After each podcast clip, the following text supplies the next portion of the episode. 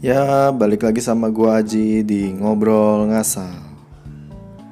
Nah, jadi hari ini tuh serasa cepat sekali ya berlalunya karena tadi pertama kali juga gua Jumatan di komplek rumah. Terus habis Jumatan nungguin tukang CCTV nggak datang-datang sampai akhirnya meeting meeting koordinasi kantor.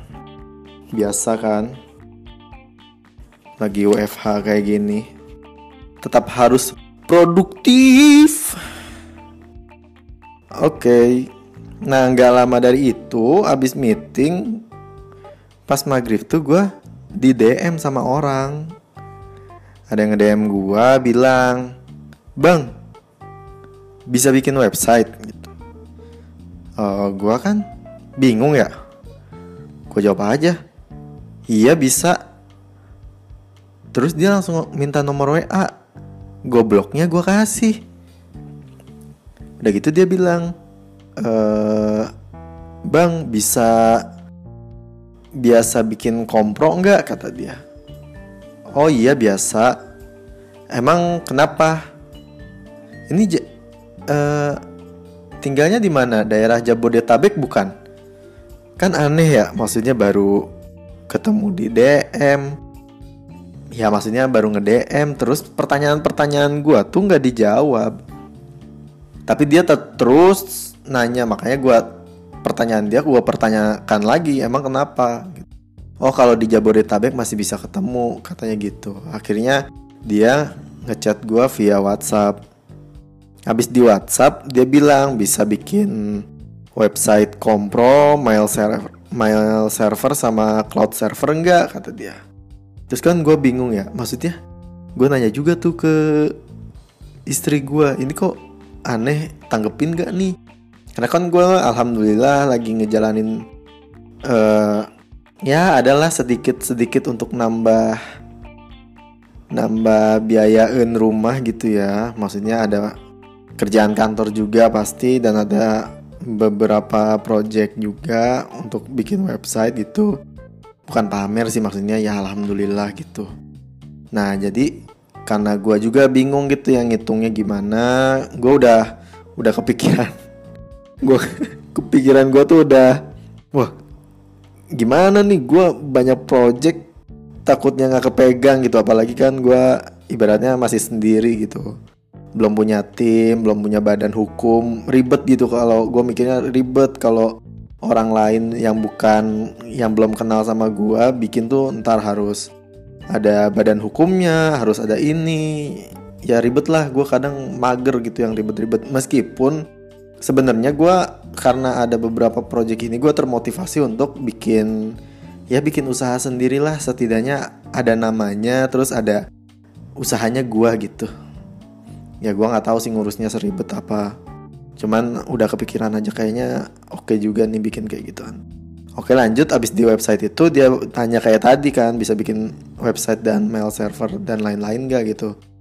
Karena gue orangnya tidak mau ngambil resiko banyak dan gue tuh paling males banget ada di dua pilihan yang pusing mikirinnya gitu. Gue tuh pengennya hidup tuh berjalan dengan lancar ada pilihan A dan B mana yang baik ya dipilih.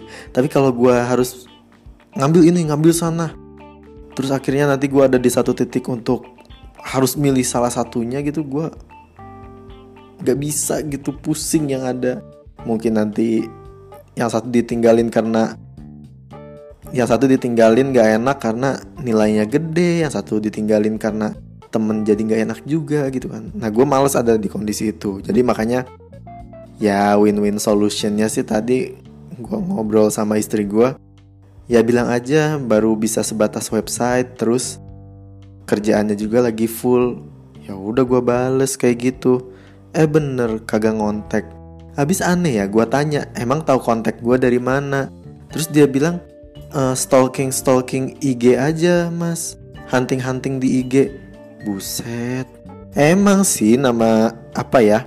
Nama akun IG gua tuh lagi uh, gue kasih full stack developer gitu full stack stack stacknya tuh bukan full stack yang dalam arti sesungguhnya ini stacknya tuh pakai U bukan pakai A gitu jadi di mana gue mendefinisikan ini tuh awalnya dari obrolan teman-teman gue kuliah uh, ya tentang programming kan kadang kita tuh ceng-cengan ya. Ada yang jago tuh kita cengin oh iya lu mah jago gini gini gini. Nah di situlah keluar ketelutukan iya ap, iya gua mah apa tuh full stack nggak bisa ngapa-ngapain. Jadi full stack full stack ngerti gak sih lu? Uh, stacknya tuh full gitu penuh. Jadi emang nggak maju-maju gitu. Jadi gue tuh mengibaratkan diri gue tuh programmer yang tidak jago-jago amat gitu ya merendah untuk meroket gitu ceritanya. Nah itu kan karena lucu, lucu dan ada di profesi gue ya udah gue pakai full stack, pakai U bukan pakai A gitu. Ya bisa sih jadi full stack, cuma kan ini namanya buat konten ya kita mah lucu-lucuan aja gitu. Toh gue juga belum ada branding sebagai programmer atau yang kayak gimana-gimana. Cuma memang beberapa kali teman-teman yang tahu gue bisa bikin website adalah beberapa request gitu. Udah sih gitu aja. Cuman tadi emang rada absurd sih. Kenapa orang itu nggak nyari uh, programmer di ini loh di ya YouTube atau apalah pasti ada dong. Kenapa harus di IG gitu? Udah kayak nyari cewek gitu kan udah gitu dia bilang stalking stalking IG gua. Masya Allah Tapi ya sudahlah dia udah gak balas-balas sih. Semoga jangan diperpanjang ya pusing kayaknya gua.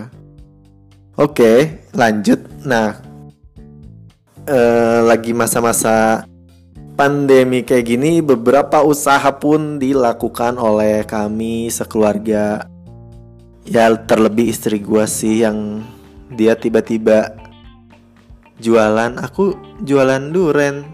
Izin kagak apa kagak gitu ya. Ah ya udah karena duren mah gue iya iya aja gitu. Kali aja kan gue nggak makan durennya juga gue dapat bau baunya lah. Yang penting kenyang gitu kan. Alhamdulillah lu buka kulkas nih ya. Lu buka kulkas mau ngambil es batu hmm itu kecium duren. Kenyang tuh langsung jadi serasa makan duren beneran aja gitu. Apalagi kalau misalnya teman-teman udah beli itu tuh ada sepersekian persennya kan untuk rezeki orang lain. Nah orang lainnya itu adalah gua. Di mana ketika lu pada beli duren beberapa persennya kan mungkin ada bagian gua juga gitu ya. Ada bagian gua yang udah ikut promosiin atau temen gua juga yang beli. Nah bini gua tuh beliin gue duren buat makan. Nah itu maksudnya. Tuh kalian udah bersedekah ke gua gitu. Ya transaksinya sama bini gue tapi sedekahnya ke gue dapet juga lah. Insya Allah. Nah udah gitu uh, eh, gue jadi keinget nih ya ngomong-ngomongin masalah perekonomian atau rezeki yang sedang dihadapi di kala pandemi kayak gini tempo hari tuh gue ketemu sama temen gue ya kita ada obrolan pendek lah yang sedikit apa ya sedikit tuh kayak gue sebenarnya pengen curhatin ke orang tapi baru kali itu gue ngomong gitu. Karena sepele sebenarnya. Terus gue diajarin gimana ceritanya saat menikah itu kita akan dilimpahkan rezekinya. Terus saat apa namanya saat kita punya anak pun nanti ada rezeki anak kayak gitu. Nah tapi gue tuh bingung kenapa secara ses apa ya secara pemikiran gua gitu ya gua tuh uh, semacam tidak merasakan apa yang gua hasilkan gitu.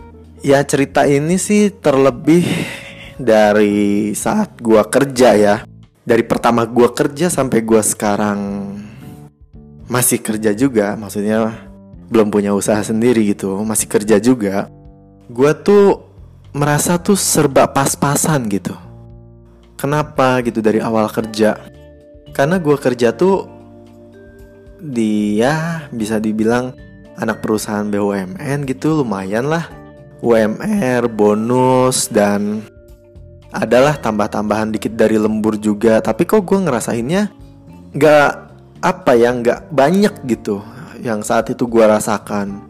Kayak sampai sekarang aja gue di perusahaan lama itu bisa terhitung tiga setengah tahun di sana gue kerja tapi bisa dihitung gitu gue tuh dapat apa aja gitu. Yang gue rasakan sih sejauh ini ya seingat gue tuh gue kayak jalan-jalan trip sendiri.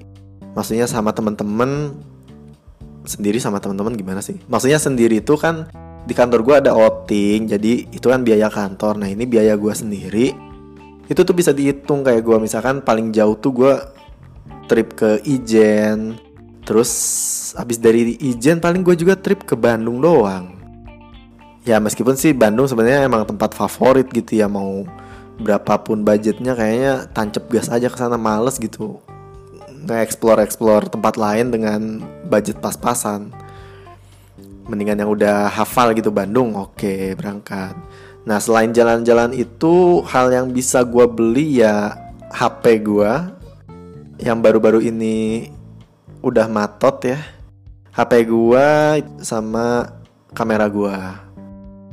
Nah itu aja gitu yang gua kok tiga setengah tahun dengan penghasilan segini itu bisa dihitung jari lah gitu. Ya itu versi bukan tidak bersyukur ya gue versi kayak ngitung-ngitung kasat mata kok. Kayak nggak berasa ya gitu. Tapi memang uh, di sisi lain bukan hanya itu sih yang gue dapat. Karena kan namanya manusia kadang ngelihat apa yang dia punya doang gitu ya apa yang dia dapetin secara personal gitu ya. Kalau gue jalan-jalan itu gue personal ke Ijen ke Bandung gue personal HP dan kamera gue kan personal gitu yang gue hasilkan sendiri. Sedangkan sebenarnya e, banyak mungkin e, sesuatu hal yang apa yang yang gue dapetin kayak contohnya kayak lembur atau uh, apa sih outing. Nah outing kadang tiap tahun ada se setahun sekali lah bahkan waktu itu gue pernah ngalamin outing tuh hampir 2 tahun sekali. Tahun berapa gitu gue lupa. Sampai kayak misalkan outing ada juga waktu itu yang gagal dikasih cashnya. Cash untuk uh, apa namanya cash untuk ongkosnya doang gitu. Jadi kan karena nggak jadi nih berangkat outingnya ya udah sama manajemen dikasih tuh ongkosnya. Ya alhamdulillah. Dari uang-uang itu itulah yang gua hasilkan ke Ijen ke Ijen dan beli kamera beli HP gitu. Jadi maksudnya dari uang-uang itulah uang bonus dan lainnya gue bisa beli itu. Tapi tetap kayak kurang bersyukur gitu gue ya. Jadi kayak nggak tetap gak berasa kok cuma segini gitu. Kayaknya orang bisa jalan-jalan ke luar negeri keluar pulau beli iPhone yang mahal sekali gitu. Ya meskipun dulu tuh gue males banget pakai iPhone eh sekarang HP gue yang Samsung matot. Pakai HP bekas bini gue iPhone. Kampret kan? Nah eh, apa namanya? Gue itu kayak nyadar gitu. Oh mungkin ya mungkin meskipun gue banyak dapet beberapa hal gitu beberapa nominal dan gue cuma dapet empat hal tadi itu ke jalan-jalan dua gadget dua itu karena doa gue yang salah gue tuh selalu berdoa ya Allah mudah-mudahan cukupkanlah rezeki hamba gitu cukupkanlah cukupkanlah. Gua tidak berdoa untuk dilebihkan atau dilimpahkan gitu. Jadi tidak memang tidak ada uh, rezeki lebih mungkin gitu. Ya cukup aja semua buat gue cukup buat makan, buat ongkos, buat cukup buat beli ya jajan, hangout sama temen-temen, makan, hedon, makan kayak gitu. Tapi sesuatu hal yang memang value-nya gede tuh kayak nggak dapet gitu. Mungkin karena doa gue dicukupkan gitu bukan dilebihkan kali. Salahnya di situ kan tapi enggak sih itu cuma bercandaan gue aja lah gue tidak se tutup mata itu untuk menerima rezeki karena akhir-akhirnya yang tadi gue bilang kita tuh kadang cuma menilai sesuatu dari sesuatu yang ada di depan mata kita gitu. Contohnya ya itu mah kayak tingkat bukan so banget ya gue ngomong tingkat keimanan. Maksudnya kayak berapa banyak sih orang yang nggak percaya Allah nggak takut sama Allah karena Allah tuh nggak kelihatan gitu. Sama kayak sesuatu hal ini yang gue tuh terlalu percaya dengan apa yang gue gapai karena yang terlihat aja ada HP ada kamera gitu kan. Sedangkan kalau mau dipikir-pikir tuh ibaratnya kalau mau direnungi ya kalau mau direnungi itu kayak gua tuh tiap bulan ngasih ke orang tua gua ya kadang buat bulanan ya nggak banyak sih. Buat bulanan ya ibu gua ibaratnya gua ngasih ke ibu gua buat dapur ngasih ke bokap gua buat jajan atau gua sama bokap gua tuh sama punya hobi yang sama tuh suka makan. Jadi kadang gua ngasih ke dia terus dia beliin makanan makan di rumah bareng-bareng. Atau kadang buat servis motor juga gitu. Terus buat adik-adik gue kuliah buat sekolah SPP-nya gitu. Karena adik gue yang kuliah ini kan sebenarnya dia galau ya cewek gitu dia mau ambil komunikasi bokap gue nyuruhnya komunikasi lebih ke humas hubungan masyarakat sedangkan adik gue tuh pinginnya ke broadcast. Nah, gue orangnya tipe yang nggak mau menutupi impian atau cita-cita orang gitu. Apa pun yang orang cita-citain selama itu positif tuh gue pengen dukung. Akhirnya saat itu gue deal-dealan sama orang tua gue. Kalau adek gue ambil broadcast, gue yang biayain bayaran labnya gitu deh. Bukan semesternya, tapi ada semester ada lab. Nah semester itu bokap gue yang pegang, terus biaya labnya itu gue yang pegang gitu. Karena kan broadcast. Kadang kemarin aja skripsiannya tuh harus nyewa alat lah, nyewa inilah, nyewa itulah. Ya ada yang ke situ juga. Atau kadang kadang gimana ya? Uh, lu sebagai kakak yang mungkin nggak terlalu bukan nggak terlalu deket ya yang mungkin banyak dosa sama ade lu suka bikin nangis atau jahat lah waktu dulu terus sekarang kita makin dewasa dan apalagi kita udah punya penghasilan gitu ya kadang gue tuh pengen tuh ngatur gitu ada biaya-biaya dari gue kan gue juga ada kebutuhan sendiri gitu ya pengennya tuh gue atur uang yang emang dikasihin buat keluarga gue ya udah segitu dulu gitu loh. Dan mereka yang harus aware dan ngatur sendiri. Tapi kan namanya anak muda ya apalagi lagi nggak sekolah gini nggak ngampus jadi uh, jadi nggak dapet duit tuh. Kalau di keluarga gue itu kalau nggak sekolah ya udah nggak dapet ongkos. Alasannya kenapa? Karena di rumah kalau misalkan dia ke sekolah kan ada ongkos ada jajan uang makan gitu. Nah itu dikasih. Tapi kalau di rumah kan ya udah nggak. Ya makan ada mandi tinggal mandi ada air. Makan dibikinin minum ada lengkap lah. Makanya mereka kadang nggak dapet jajan. Mungkin biasanya kalau lu pada mikir apalagi yang dapatnya uang bulanan kan enak ya bisa ditabung. Nah kalau di rumah gua enggak nggak kayak gitu. Jadi kalau emang nggak sekolah ya duitnya masuk ke dapur aja udah makan ma buat makan makan juga gitu. Tapi nggak bisa lu akal-akalin di rumah terus tetap dapat jajan terus lu bisa nabung bisa beli ini beli itu enggak makanya kadang ada ada gue tuh bilang ah bayarin dulu.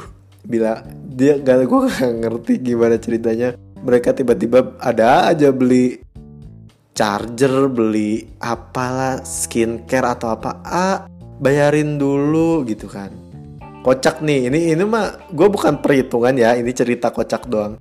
Jadi contohnya adik gue salah satu adik gue bilang ah bayarin dulu ya nanti uangnya kebapain. Nah dia tuh maksudnya kebapain tuh pakai cash. Jadi nanti tuh uh, adek gue ngasih cash ke bokap bokap transfer ke gue gitu. Ini kejadiannya pas udah merit ya ceritanya jadi gue udah nggak serumah. Nah itu dilema coy. Lu nggak bisa maksudnya nolak juga kadang ya nolak juga kadang nggak enak karena ya emang ada uang gue juga gitu. Ya paling skincare-nya mereka nggak mahal-mahal amat lah gitu. Jadi gue masih bisa bayarin gitu kan. Udah tuh gue bayarin nanti uangnya di bapak ya. Oke nih nih anak tidak mengakali gue gitu kan. Maksudnya nggak ya udah atuh ah cuma segitu doang nggak gitu. Ada di bapak uangnya gitu.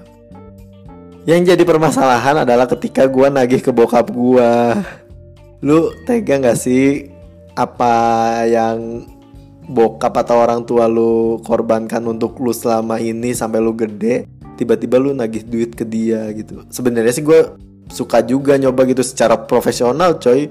Biar adek gue tuh terdidik gitu bahwa kalau namanya udah minjem minjem. Karena nggak dikasih harus dibalikin duitnya gitu kan.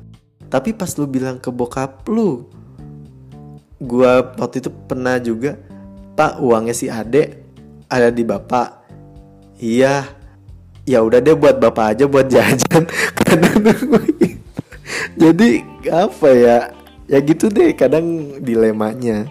Nah maksudnya gue itu uh, di situlah baru gue kadang kalau misalkan memang lagi bener gitu ya rasa rasa syukurnya tuh banyak. Oh ternyata duit gue tuh bukan cukup. Maksudnya untuk gue cukup tuh bukan itu maksudnya tapi gue tuh bisa ya ngasih jajan orang rumah, adik-adik gue juga masih bisa sekolah gitu sampai sekarang. Karena kan memang apa ya bokap gue tuh dari kita kecil semua tuh selalu bilang jangan pada ribut. Uh, namanya adik kakak tuh harus ngebantu gitu saling bantu di saat si ini nggak ada ya lu ada di saat yang satunya nggak ada yang lain ada saling ngerangkul gitu karena bapak mah tinggalnya sendiri gitu. Itu kan gue jelek gitu ya. Dia tuh emang anak tunggal. Dan kedua orang tuanya nenek kakek gue tuh udah meninggal. Dan dia pun gak terlalu deket lah sama sepupunya gitu. Jadi ya memang ibaratnya dia kalau gue yang sekarang udah berumah tangga tuh gue baru nyadar tuh bokap gue kayak mau bikin squad gitu. Ngerti gak sih squad? Tim untuk uh, saling menolong antara kita berlima aja udah gitu keluarga inti. Itu baru kerasa ya setelah gua gede lah. Lu kalau udah gak tinggal sama apa orang tua yang biasanya tiap hari ada tuh lu baru mikir gimana apa ya gimana muka mereka lah ibaratnya. Yang kadang lu mungkin di rumah juga gak ngeliatin mukanya mereka mainin HP doang gitu. Terus ya itulah maksudnya kalau gue lagi bersyukur ya gue keliat yang kayak tadi hal-hal yang kayak tadi tuh kelihatan lah sama gue dan uh, apa ya? Be beberapa gue share sama temen gue itu itu sesuatu hal yang luar biasa gitu. Tapi gue nggak mikir luar biasa karena gue mikirnya tuh apa ya? Itu tuh sesuatu kewajiban gitu suatu kewajiban anak tuh ngebantuin orang tuanya. Tapi pas gue tanya teman-teman beberapa temen gue juga ternyata ada juga yang nggak ngasih segede gue atau ada juga yang nggak ngasih sama sekali. Itu maksudnya bukan gua ria ya karena gua ngasih. Itu tuh cuma karena gua nggak tahu.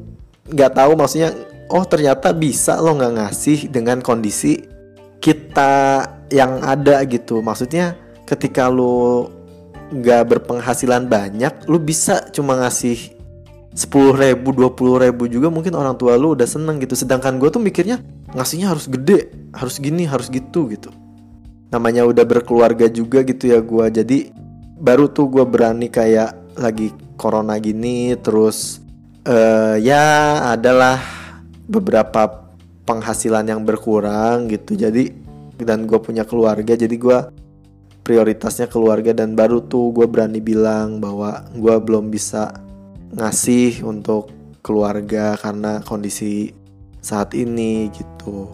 Dan mereka mengerti gitu. Nah, gue baru tahu oh bisa ternyata kayak gitu ya. Gue kira tuh suatu kewajiban yang harus gitu loh ngasih tiap bulan ngasih ini ngasih. Gitu sih bukan gue ria ya karena gue nggak tahu doang itu. Doa gue dicukupkannya itu mungkin maksudnya tuh cukup untuk keluarga gue, untuk adik gue sekolah, untuk adik gue jajan, untuk gue di rumah. Mungkin kalau misalkan gue berlebih, gue bisa beli minuman makanan. Gue bisa beli minuman keras atau narkoboy. Untuk beli rokok aja tuh gue mikir meskipun gue nggak ngerokok ya orangnya gue mikir maksudnya ngapain gue beli rokok gitu sayang banget duitnya. Mendingan gue beli makan beli ikan asin gitu kan atau beli atau beli teh pucuk anjing. Itu minuman favorit gue iya maksudnya kayak gitu. Uh, apa namanya? Jadi karena kecukupan itu gue tidak diberi celah untuk yang aneh-aneh mungkin ya. Ngebolang ke mana nggak tahu gitu ninggalin rumah atau gimana.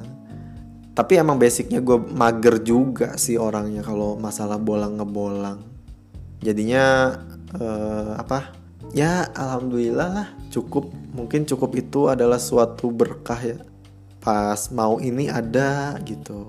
Gak punya bakso di rumah pas mau bakso ada bisa beli makan. Ya emang sih ada beberapa yang bilang cukup itu berkah gitu. Meskipun cukup gue masih bisa bawa somai atau bakso mungkin ke rumah orang tua gue dan makan bareng meskipun gak pizza pizza atau spaghetti amat gitu kan. Itulah mungkin namanya cukup tapi jujur sih doa gue jadi tolong limpahkanlah rahmat dan rizkinya ya Allah gitu. Dan dan ini sih yang mungkin gua, ini yang gue notice tuh kayak kayaknya gue cukup tuh karena gue males ngeluarin duit buat orang deh gitu. Maksudnya kadang gue males kayak ngasih pengemis pengamen gitu kan. Padahal niat ngasih mah niat aja gitu ya nggak usah nggak usah hitungan lah gitu. Niat lu kan ngasih sekian persen orang lain yang ada di lu gitu. Mungkin itu sih karena gue belum rajin sedekahnya jadi kata Allah teh ngapain juga gue ngasih lu lebih? Orang lu juga nggak ngasih ke orang gitu. Mungkin ya harus ditata lah ya.